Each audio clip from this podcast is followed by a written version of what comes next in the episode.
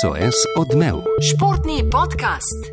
Kolesari na dirki po Franciji so celotno sestavljanko položili 3 od 21 Lego kock, ki niso prav precej razjasnile podobo o končnem zmagovalcu, no morda nekoliko o nosilcu zelene in bele majice, a rumeni odgovor je gotovo šele pred nami. Živijo, moje ime je Slavko Jarič in lepo te pozdravljamo v podkastu SOS odmev, v katerem številk delamo besede. Julija pa se pričakovano vrtimo s kolesari na turu. Lepo pozdravljam so voditelja Tonija Grudna. Živijo, Toni. Lepo zdrav, Slavko, v Ljubljano, sam se javljam skrivne, pikčaste lokacije. Boš povedal, kaj več? Duhu, ja, v duhu dneva sem v pikčasti majici, ki sem jo enkrat vrgli ob progi dirke po Franciji. Zato je tukaj največ ljudi, ko vidiš v pikčastih majicah, zato ker je ta pokrovitelj najbolj aktiven in najbolj derežljiv z majicami in zelo prav pride v vročih dneh. Je pa res zanimivo, da ta majica je nekaj posebnega. Ne? Tudi eh, tedaj pogača, čeprav je dvakrat uradno nosil, seveda je ni veliko nosil na etapah, vemo s kakšnimi razlogi. Uh, sem iz njegovih besed razumel pred leti, lani in predlani, da neka posebna energija seva iz te majice. No, se je ravno zaradi tega, ker eh, v vseh teh glavnih usponih, zdaj pa smo videli na Danske, pač je polovica ljudi v pikčasti majici in ja, ima posebno mesto, čeprav recimo v medijski zgodbi, pa sam razvoj vsakoletnega tura, mogoče je kar zapostavljena v primerjavi z rumeno ali pa zeleno. Ja, letos je zgodba pikčaste malce točkovanje, malce spremenjena, zelo verjetno, da te pogače ne bo dokončal hetri, kar se pisal že v napovedih pred samo dirko. Na Danskem, prvi konec tedna, šest gorskih ciljev najnižje kategorije, kjer so porazdelili ravno toliko točk. Uh, Toni, tale prvi podaljšan konec tedna, to je bil pa res nekaj posebnega, omenjal si gledalci, predvsem v pikčastih majicah, ampak res bili so nametani. Res skoraj da vse posod v vsakem kraju, vsaka majhna uspetinca, koliko jih je lahko na Danskem, pa kjer so bili leteči cilji, pa cilji, pa prestolnici. Skratka, tale štart na Danskem je bil kar zadeti tako polno. Zagotovo prepolne ceste, tedaj Pogačar se je po koncu tretje etape v šali potožil malce potarno, da je bilo soboto in nedeljo toliko ljudi ob cestah in to čisto prav na vseh odsekih, da je bila kar težava poiskati primerno mesto za mali odmor. To, povedi, seveda, po, to seveda pomeni za lulanje, kar, kar je v resnici težava za kolesare, kaj ti za uriniranje v pričo javnosti, si kaznovan z denarno globo in odzemom točka. Naprimer, videli so tudi prizor, kako v Outvanert študira prometne znake, tako je izgledala tam, ne vem, 80 km pred ciljem, v resnici je šel pač lulata. Ko smo že pri rumenem vodilnem kolesarju in kaznih, v nedeljo je ravno Vautvan Art prejel kazen zaradi metanja smeti na neustreznem mestu in če se mu ta prekršek ponovi, ga doleti izguba ene minute. Da, mislim, da se Vaud, tudi če mu vzamejo eno uro, ne bo pretirano sekiral, bolj bi se sekiral. Če bi mu vzeli kakšno točko v nekem drugem točkovanju, govorim seveda za zeleno majico v sprintih, ampak če se za sekundo še podustaviva pri velikih odhodih, grande parih, ne, v zadnjih letih je to res veliki hit. Uh, tudi v naslednji sezoni, leto izvedbi, se bo nadaljeval v Španiji pa omenjali smo v napovedih za olimpijsko leto 24, da naj bi bil veliki odhod v Italiji. Skratka, res velike, velike zgodbe. In ko smo pri tej temi, naj zvesta poslušalka Barbara Kranc sprašuje, eh, kaj bi se moralo zgoditi, da bi to nekoč. Tudi, seveda, gotovo na podlagi te izjemne generacije, ki smo ji priča, da bi ta veliki začetek videli v Sloveniji, ne bo se pa odgovor začne začne nekje pri številki 10 milijonov evrov. Mm, zagotovo pa še kar više. Danci so kot transparentni narod. Februarja 2020, ko se je potrdil veliki start dirke po Franciji, takrat predvidemo za leto 2021, seveda vemo, kaj se je dogajalo takrat. Izbruh pandemije, ki je potem zameknila vse to na letošnjo poletje. Spravi, Danci so lepo objavili, da so mesta, pokrajine in država prireditelju Asoju plačali skupaj 88 milijonov kron oziroma 12 milijonov evrov. A ravno toliko denarja spravi še enkrat toliko. Skupaj so predvideli še za dodatne stroške vlaganja v infrastrukturo, spremljajoče prireditve, promocija, zavarovanje in tako dalje. Se pravi, pred dvema letoma in pol so predvidevali skupnih 24 milijonov evrov izdatkov, ampak ob vsej tej množici, skoraj sicer v 6 milijonski državici, Pa če pogledam, kako je bilo organizirano, tako kot stadionsko vzdušje, pa s tem povezane storitve, bi rekel, da ob danskih cenah pijače in hrane je Dovkarija povrnila vlaganje že s trošarinami in DDV-jama. Uh, kot si omenil, ja, ne, začenja se v Španiji druga leta, ampak v Baski. Gre za projekt lokalne baskovske avtonomne vlade. To, tukaj si pa zelo, zelo natančen, se mi zdi, ko se ga ti baski, pa katalonci, pa to vedno pozaraš. Ja. Ja, no, baski so ekstremna, posebna zgodba, ampak ja, um, kot rečeno, vlada ogromno zanimanje za te starte, grande barje. Um, sami vidimo, da je to v prvi vrsti velika notranja domača zgodba, uh, potem pa seveda tudi uh, prikaz svetu, kako se izpostaviti in privlačiti marsikoga. Verjamem, da je pograbilo, da bi šel na obisk na Dansko, ampak ja, jaz sem to študiral po zimi, pa sem videl cene, pa me je malo odvrnilo. Uh, Spravi, uh, Bilbao je štart drugo leto in načeloma so se oni z Asojem dogovorili že leta 2019, se pravi, pred tremi leti je bil že dogovor. Danci so naprimer zdaj razkrili, da so se resno začeli pogovarjati z francozi šest let nazaj. Okay, res je pač ta pandemija in križanje z nogometnim evrom to zamaknilo za eno leto, spravi pet let, recimo, da res je potrebnega dogovarjanja. Skratka, če bi Slovenija to želela in bi bila pripravljena uložiti skupaj recimo 20 milijonov, realno pa še kakšnega dodatnega bi to morala pohiteti, da bi se to recimo uresničilo za leto 2027-2028, potem pa treba zračunati, koliko bojo stari naši asi. No, na srečo je Pogačar še zelo, zelo mlad. Ja, Pogačar definitivno še pade v to enačbo. Je pa res, tukaj so kratkotrajni plusi in minusi težji, ampak najbrž tudi da izračunati dolgotrajne, ne? ta vsa splošna izpostavljenost svetovni javnosti, ne le domači je nekaj posebnega. Ja, se splača vsaj pre, preračunati, če nekaj drugega. Ne? Ja, ampak že tako hiter preračun, pa strošek pa vlaganjem je uh, svetovno prvenstvo, ki je recimo bil en tak srednjeročni želja, ideja, da bi Slovenija mogoče se potegovala za to izvedbo svetovnega prvenstva. Uh, mogoče realnejši cilj, ki je vse malenkost nižji vložek. In trajajo bi dlje, ne? Da, traje dlje, uh, pride tudi večje število uh, tekmovalcev, z njimi povezanih ekip, družinskih članov, se bolj razporedino. Pač vse ima svoje pluse in minuse. No? Danska, torej, kot v vodu sem sva izpostavila, povezujemo z Lego kockami in povezujemo se tudi s pravljicami zaradi Hansa Kristjana Andersona in ni dvoma, kaj smo videli prva dva dneva na cesti, torej na kronometru, da je svojo pravljico spisal Magnus Kort Nielsen. Uh, to kolesarstvo je res, uh, res odličen šport. Ne? To so večkrat uh, povedali, da je zelo razširjen. Da, Eh, nudi veliko priložnosti, da se kolesar pokaže ne samo najboljši na različnih terenih in Magnus Kort je res na domačih cestah izkoristil čas, da se je pokazal, da je osvojil tisto, kar je pravzaprav napovedoval, pikčasto majico. Uh, tudi kako se je obnašal, ne, zabaval se je, užival, pozdravljal navijače. Skratka, videl se, da je res tisto, kar slišimo v kolesarstvu, pa kar se nam zdi morda včasih neintuitivno, da ob takih naporih uživaš, ampak Magnus je res užival. Užival je tako, da je bežal skupaj kar 267 km od 397 km, kolikor je znašla dolžina uvodnih treh etap na Danskem. Sam je sicer kot celotna ekipa F, uh, Education Easy Post veliko stavil na uvodni kronometer, a se je ameriški ekipi posem sfižil ta uvodni dan.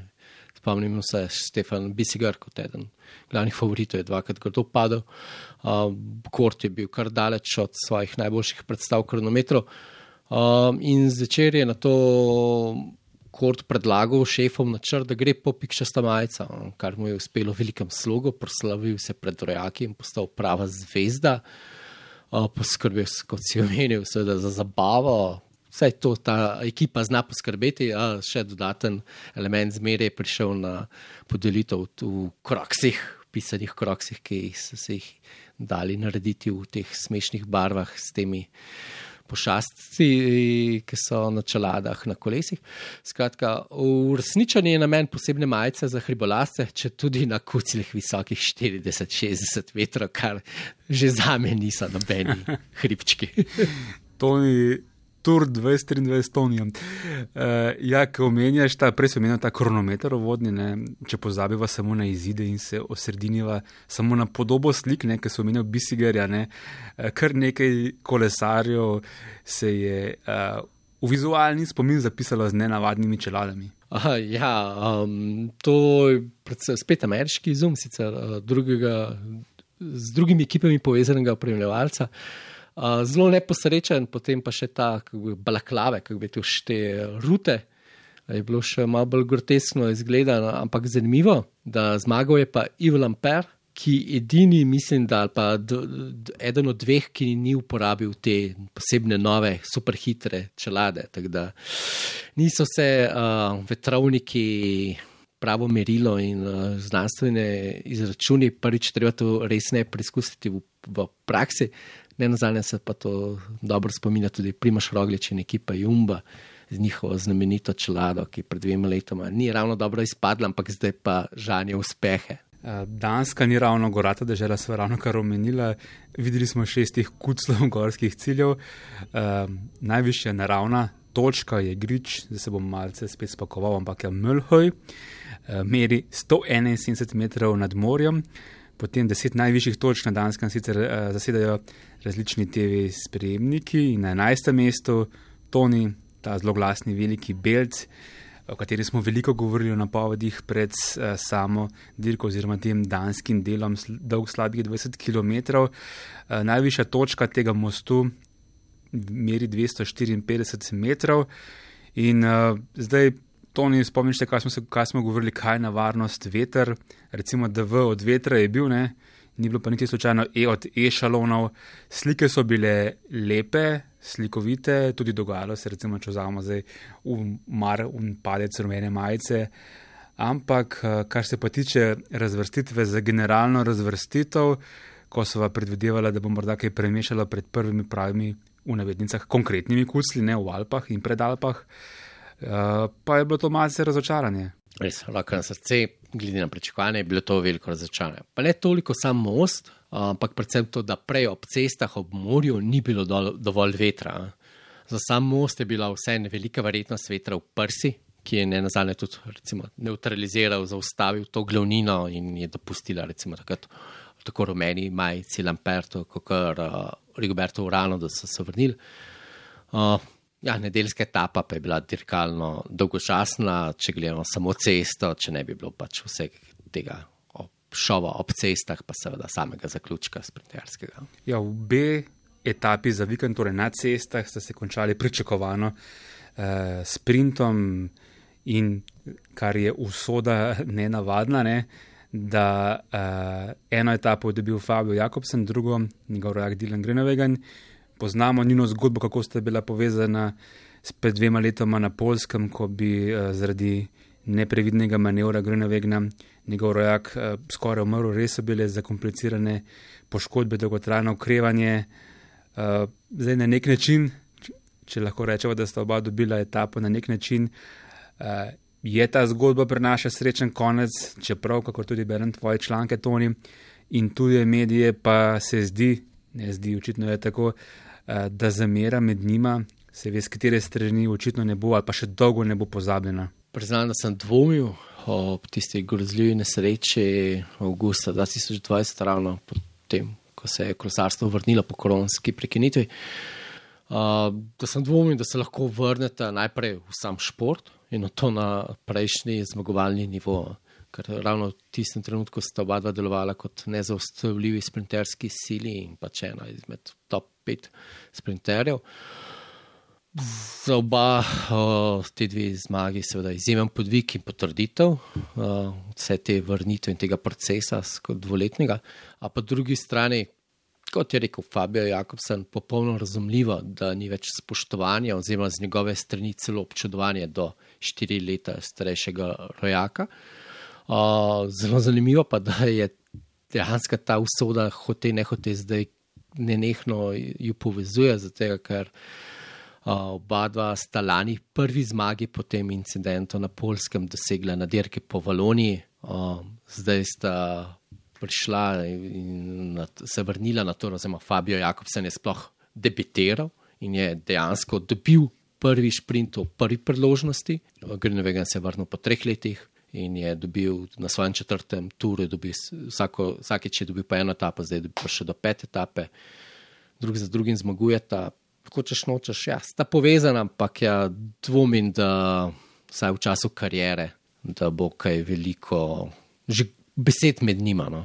Pač razumljiva zadeva, dejansko je Jakobsenova zgodba je neverjetna, no, da po vseh, v bistvu on je izgubil spodnji del obraza, čeljust, večino zob, da je tukaj, kjer je in mislim, da bo še kakšno etapo dobil v, v Franciji. Ja, mislim, da ni kolesarskega nadušenca, ki mu tega ne bi privoščil, zdaj ko smo pri Grnoveganu, dobro veš, da bolj mi ležijo številke kot besede, ampak šele ko je bila etapa v Sloveniji, ko je Grenevegen zmagal v tapi v rogaški slatini, ne, sem se potem zavedal ta grun, če je bila boj za, zel, boj za zeleno, ne, da dejansko njegov primek lahko prevedemo, če so mi pravilno pomagali aplikacije v zelene ceste, kar je pa, ne boš se ti tega zavedal, ampak meni je bilo pač tako lepo naključeno, kaj ne rečem.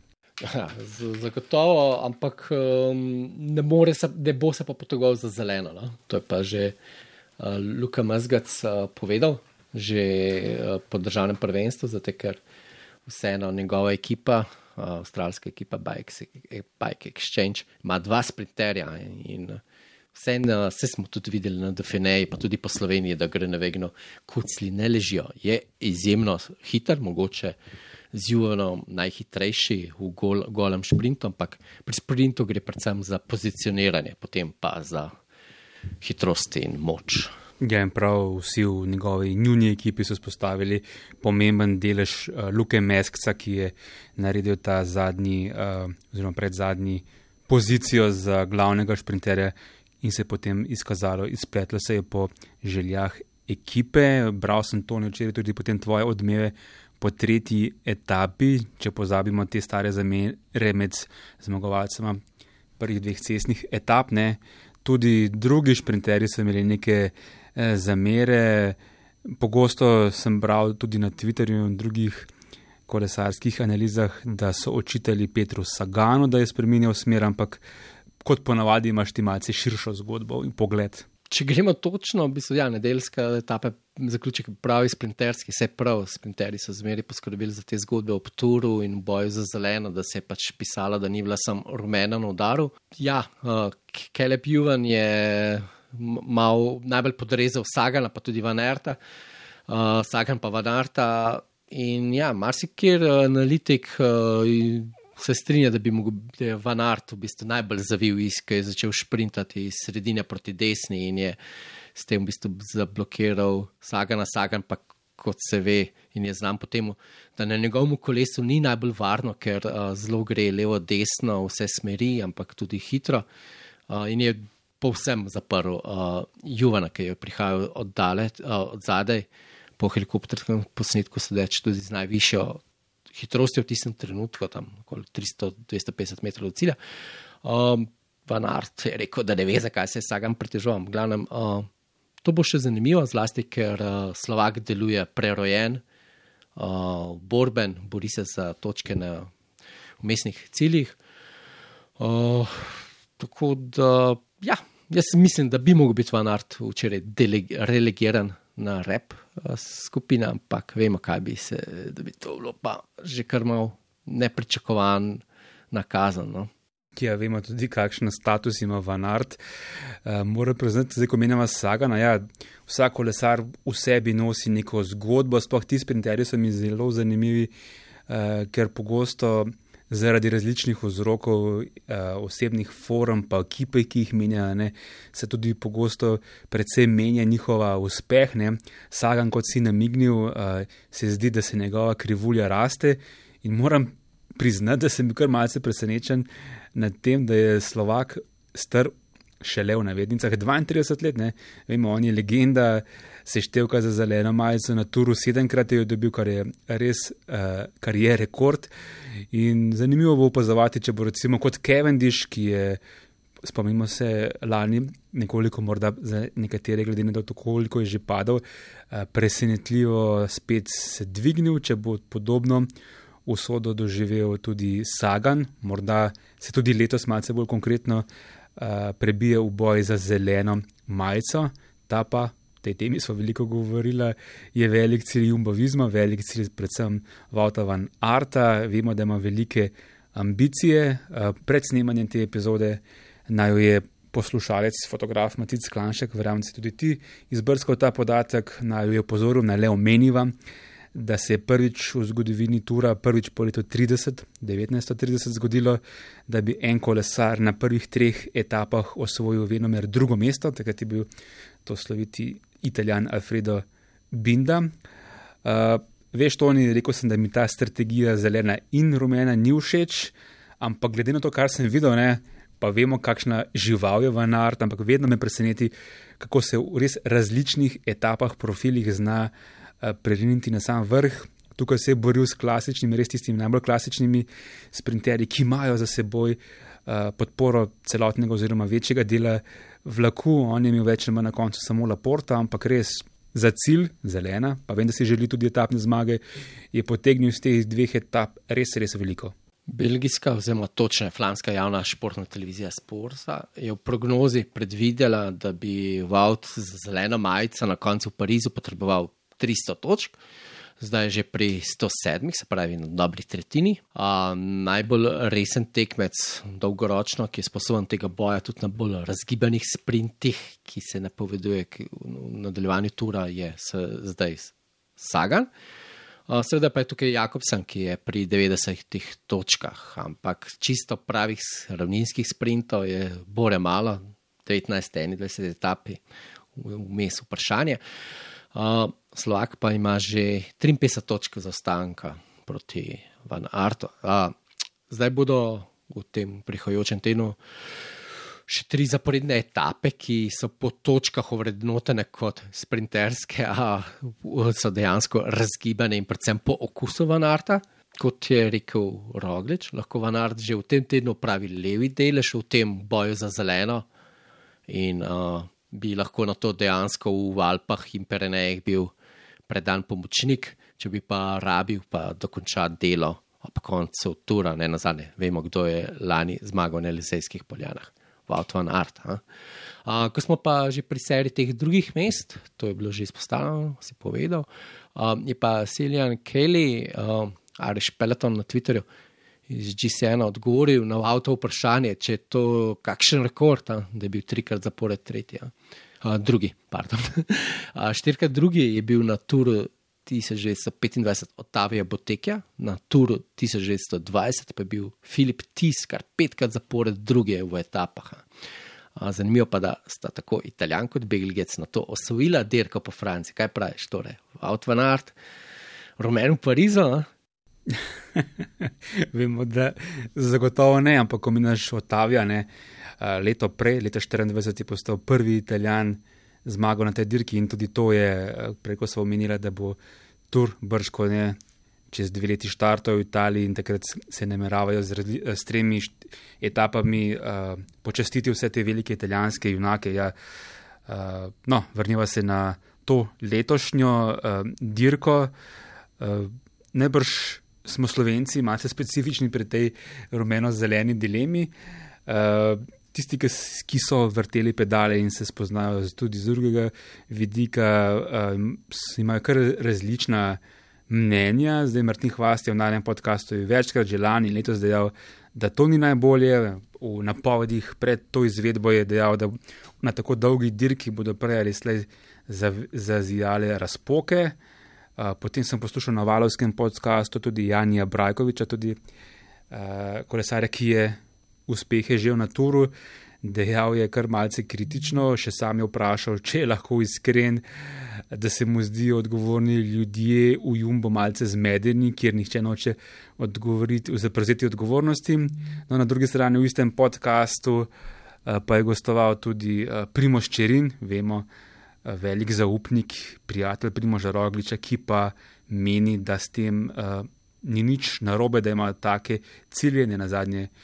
Mislim, da ni človeka, ki spremlja kolesarstvo, ki pa se ne bi strinjal, da gre pa vendarle za zelo, zelo kakovosten uh, ruster. Torej, upamo besedam primoža, če ni da bi rekel. Um, ja, uh, verjamem, da mu primož dovolj zaupa in pove, kakšna je interna dinamika. Tudi ni skrivnost, da sta Vaut in Primož dobre prijatelje, ki se na kolesu tudi izmenjujete kakšno besedo po nizozemsko oziroma flamsko. Um, enako z Jonosom, dobri odnosi, pač gradijo znanje po tem, um, da Primož uh, gradi na timu, na uh, ekipnem duhu, ve pa, da, se, da je tudi vodja, lider. Tako da. Oni zase vedo, eh, če so sposobni, kaj eh, hočejo. Eh, vidimo, kakšna je konkurenca za zeleno, dejansko ni prevelika. In uh, mogoče je res presenečen, da je Sagan deluje konkurenčno trenutno. Um, vemo pa, naprimer, da iz Alpesina dvojec Philipsen, vendar Pul se ne poteguje za to. Uh, tako da vrata ima kar nas težave odprta, za rumena se bo odločil pač v, v, v Alpah, kjer pa tudi v Avtu v končni fazi ne bi mogel kaj dosti pomagati, ker ena na ena proti TD, oziroma dva proti ena, kako upa, jum bo pač bo odločila noge treh kapetanov. Na jum, Jumbo letos uh, je izpostavljen tudi z novimi drugačnimi drezi, sploh s kakšnimi helikopterskimi zračnimi posnetki, uh, se kar dobro vidijo, kje v pelotonu so in teh sprinterskih etapah, ki smo jih videli zadnje dve, dva dneva, je seveda pomembna bila njihova pozicija. Lepo se je videlo, kako so res kompaktno, bom rekel, kot rojče bil, so skupaj drveli, eh, več ali manj pogosto kar na desni strani. Uh, bil sem pozoren tudi potem na tiste zadnje kilometre pred tistimi res zadnjimi pozicioniranji, uh, kjer je nekajkrat celo potegnil Jonas, Primoš je bil res v zadju. Uh, A ti morda to pokaže, da je pa Primož res številka ena, to, kar se je dogajalo teh zadnjih kilometrov, nima nobene veze in kot brško ne bodo potem pokazale noge v konkretnih klancih, kdo je prava številka ena. Ja, ne, ste kar uh, vedno skupaj, malo je pa tudi navade in tudi razmerje med njima, da je Jonas pred Primožem. Na papirju je res ta sekunda, na kronometrski kozi je bilo v resnici 25 stotink. Uh, pravi pokazatelj, uh, kako bojo varovali in vodili oba kapetana za skupno razvrstitev, bo viden v sredo na tej peti etapi po kockah Rubeja. Ali boste vozila skupaj v navezi, ali pa ju bodo ločili zaradi varnosti, če eden pade, da ne zgrmita po tleh oba, jaz se ne gibam k drugi možnosti, pa potem se bo videl, kdo, kateri od pomočnikov je zadolžen za pomoč kateremu. Potem pa seveda ta petek La Planche, kjer zaradi višjih odstotkov se predvideva, da bi Vingegord lahko izgubil kakšno sekundo proti Rogliču, ki bo tam na 20 odstotkih in več lahko pariral, pa tudi izvo samega Pogačara, če bo potrebno. Ja, to bo res zanimivo. Ravno pred snemanjem te epizode sem se ogledoval eh, traso te petkove etape in ja, prav ob koncu so na nekaterih odsekih tudi 20-odstotni eh, klančine, ampak ja, o tem potem. Uh, moram te pohvaliti, veliko krat te malce to ni tudi neupravičeno zbadam o nepravilnih napovedih, kot da sem jaz pretirano boljši. Ampak, ko pogledamo telo celotno sliko, Toni, pa te moram pohvaliti, da tvoji občutki so pogosto precej pravilni. Ne? Še enkrat bom podaril Tour 2020, ko nihče ni resno računal na je pogačarja še, pred, seveda, govorimo o boju z rumeno majico, pa si uh, takrat pravilno napovedoval, da imaš občutek, da bo končal tur pred Rogličem in ga je. Uh, v prejšnji epizodi pa si na veliko sliko te izvedbe govoril, uh, da imaš občutek, da bi se lahko pa končal ta res uspešen pogačarjev niz ali pa sreča, vemo, da pogosto v kolesarstvu eh, nisi kriv za palec, ampak si samo kolateralna škoda, eh, da bi se morda ta uspešen srečni niz letos končal in v tej lani nesrečni tretji etapi za Primoža smo videli, da je bil, pravzaprav v drugi etapi bil uh, v težavah tudi pogačar s uh, členki, uh, dobil v gradi, kaj meniš glede te smole, ne smole. Ja, res deluje, kot da se pogačare sreča izteka, hkrati še vedno ostaje na pravi strani. Ja. Tako v soboto kot v nedeljo predstavlja dve bližnji srečani, se pravi ta v drugi etapi omenjena ograja, pa še defekta obeh gum. Uh, tudi v tretji etapi je prišlo do tistega paca 10 km pred ciljem. Tik za njim, za njegovim kolesom so zgrmeli po tleh, spet sta šla na tla dva pomočnika Emiratov. Uh, zanimivo je, da se Emirati se ne vozijo v vetru sploh, uh, dejansko je pogačar na čelu ekipe večino časa tik za kolesi Jumba, zaradi urivanja v njihov vlakec, ki je Van Hojdong že odrival. Se mi da. Ja. Uh, ja. Ampak uh, ravno naprimer, uh, v, pravi, v tej drugi etapi, ko je zdaj že znamenito malo podrgnil uh, členke, marsikdo bi se drugače zapletel ob tiste ograje, uh, predvsem pa, da je na drugi strani par metrov za njim opacu izvrstno odpeljal in se izvil uh, Primoš Roglič, ki je bil v tistem trenutku spet osamljen. No? Sam tako uh, nenavaden sem izdelal. Prej sem videl, da je bil skupaj z drugimi. No, v tistem trenutku se je izvrstno izvlekel, tako da, da ne bo se rekel, da Primoš ne obvlada kolesa. Um, ko smo že spet pri tej sreči, nesreči, mogoče velja biti spet pozoren na gume. Pogel, premljevalec imel v soboto štiri zabeležene defekte. Torej, velja biti pozoren iz tega stališča na ekipe Trek, a že Dozer in UAE, ki imajo istega opremljevalca. To bo res zanimivo. Ja.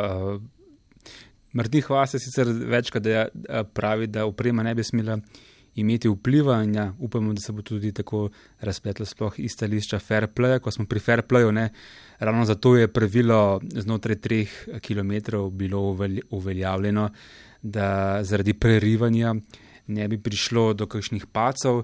Videli smo v drugi etapi, da se je zgodilo, ampak to je recimo eh, tudi del spreminjanja proge, ne mislim proge, cestišča, ko se zoža, ne, ko je napetost velika, se zgodijo take stvari in to je bilo ravno.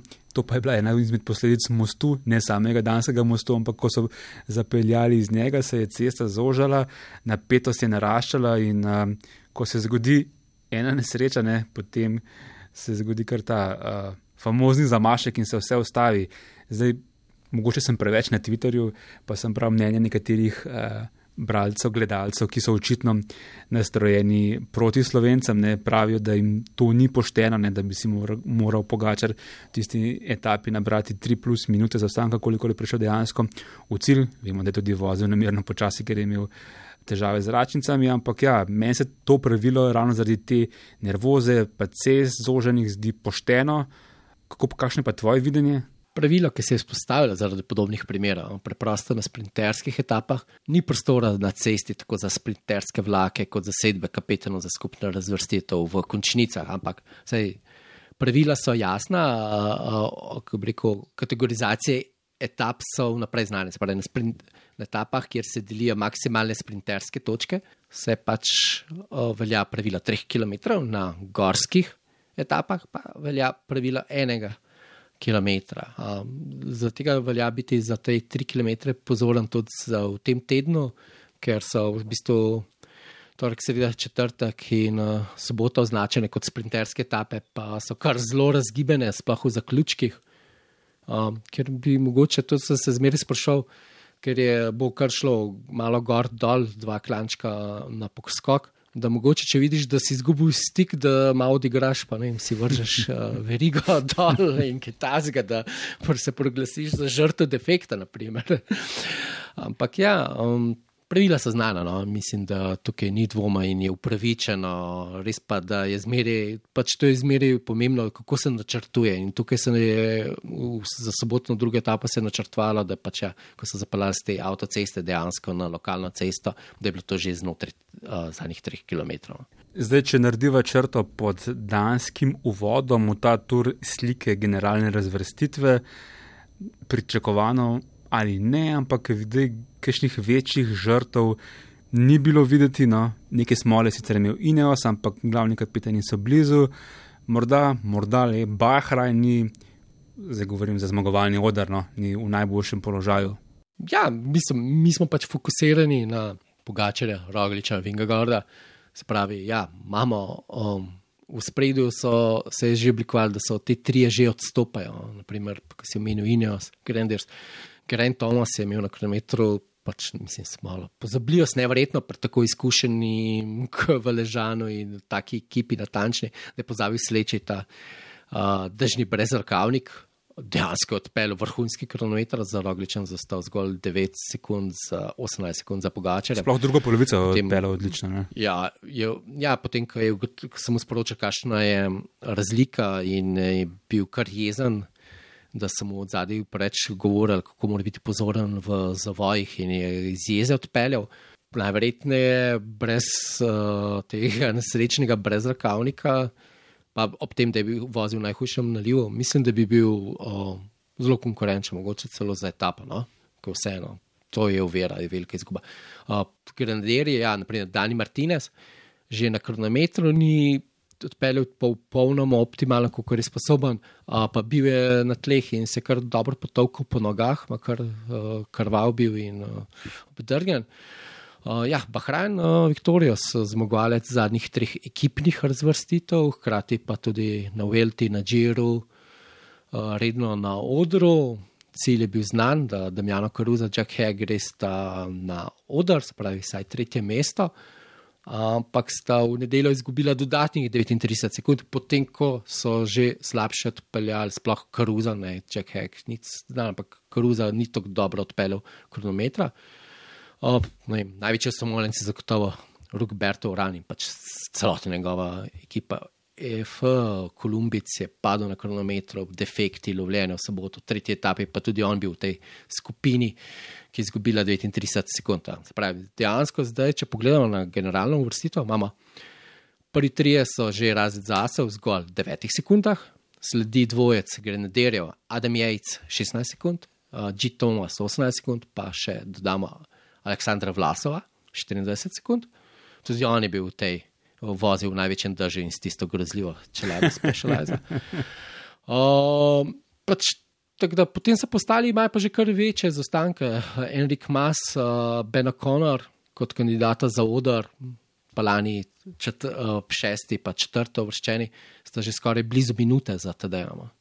Kar pa ni majhna razlika več. Ja, ok, zdaj če se usmeriva v ta prvi celotni teden, drugi teden uh, in preden prideva v tiste hribe, ne, se vprašava, če bodo uh, etape do prve gorske etape naredile kaj večje razlike, kot smo videli na Danskem. Zdaj, pred gorami smo seveda opozarjali na Dansko in veter, se ni, več ali se ni uresničila. Druga zadeva, se bomo seveda upozarjali, kocke rubeja, kamor kolesari karavana pride v sredo.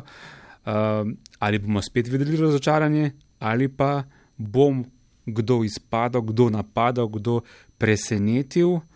Uh, malce, pa vendarle to za njih huda špekulacija. Predvidevamo, da kaj pa bi se lahko dramatičnega tudi zgodilo tukaj v spredju, v, v rumenih uh, temah. Zagotovo, no. jaz bi rekel, da že ta torkova četrta etapa, Dunker Kale, je lahko nevarna, mogoče pa bo enkrat pihalo dovolj. No.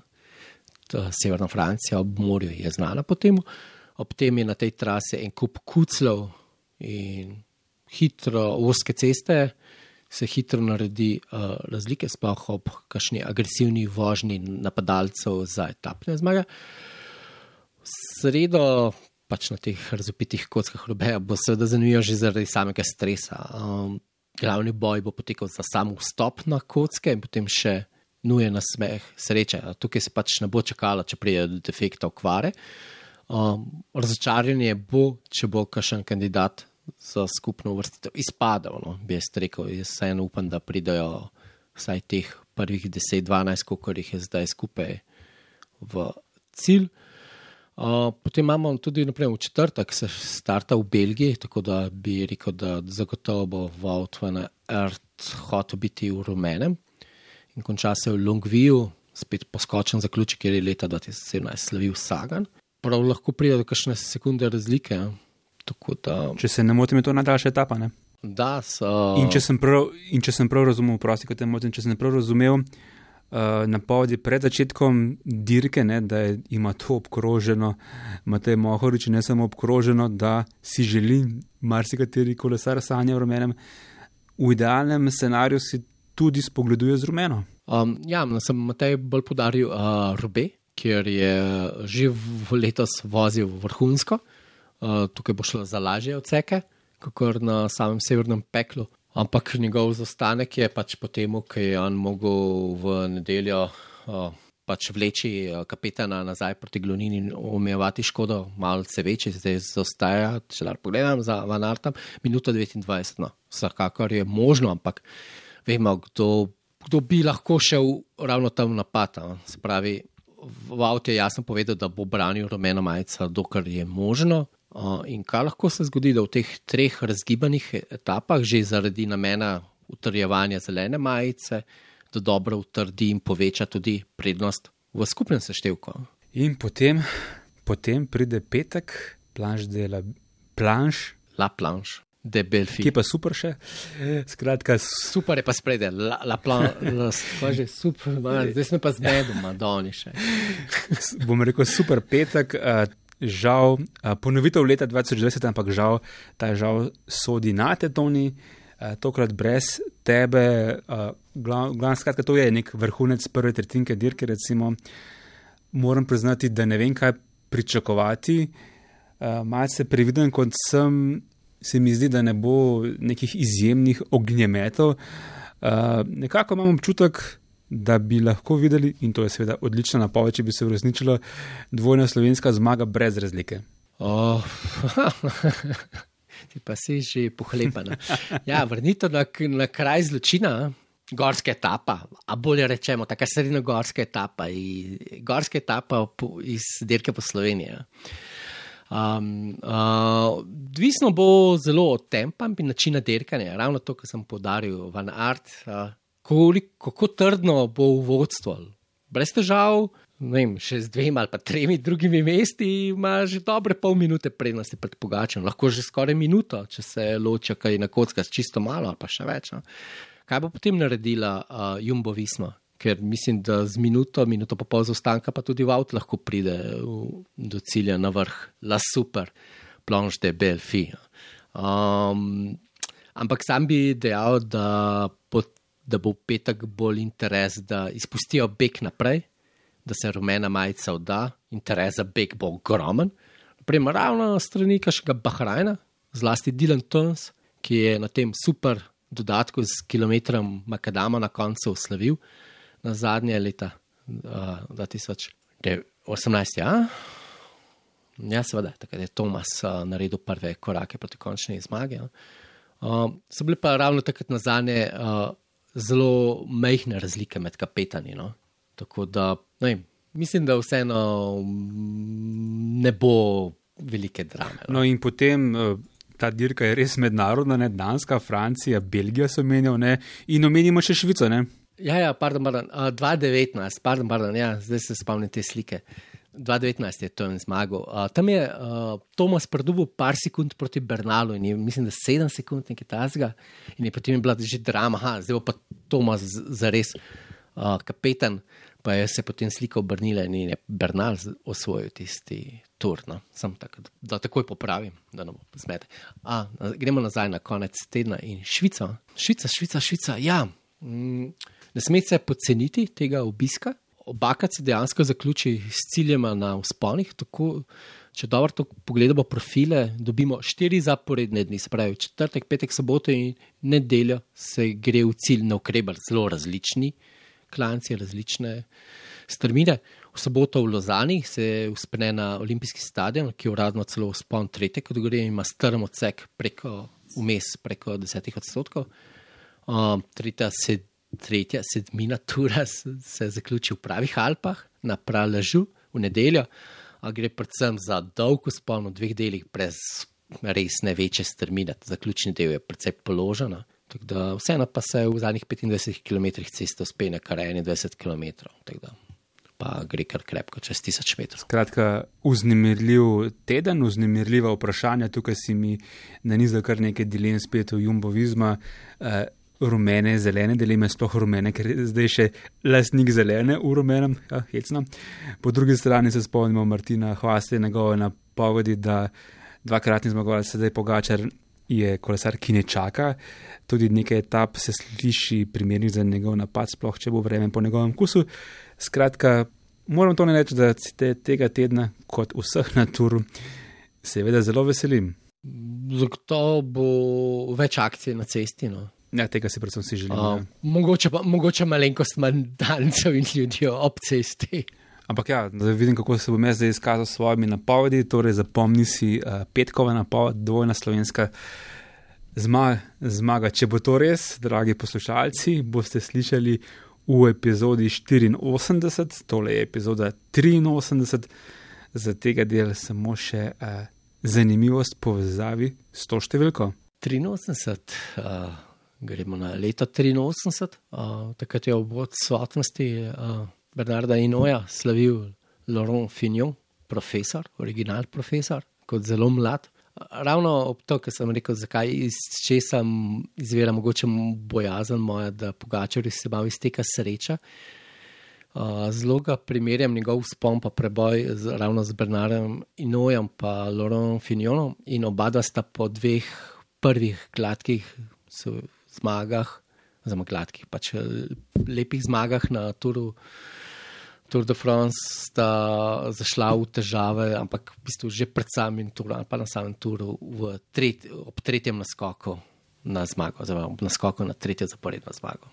Ja, mimo grede, zdaj ko mi je število tri, ne, če bi pogačarju uspela tretja zmaga na turu, bilo to res neverjetno, če si pomislimo, da rekorder ima pet zmag in ki smo pri trojki večkrat že omenila v letošnji epizodi, v letošnjih epizodah zgodbo Primoža Rogliča, turnaja maščevanja na treh francoskih dirkah in kakor uh, je izpostavil Igor Tominec, mislim, da sem tudi tvojem članku nekaj zasledil, uh, na vseh dveh francoskih prejšnjih, uh, torej govorimo o Dauphine, govorimo o Paris-Nica, je majico vodilnega nosil njegov uh, moštveni kolega Vaut van Arts in uh, glede zlomka podobno zgodbo vidimo očitno tudi na Toru.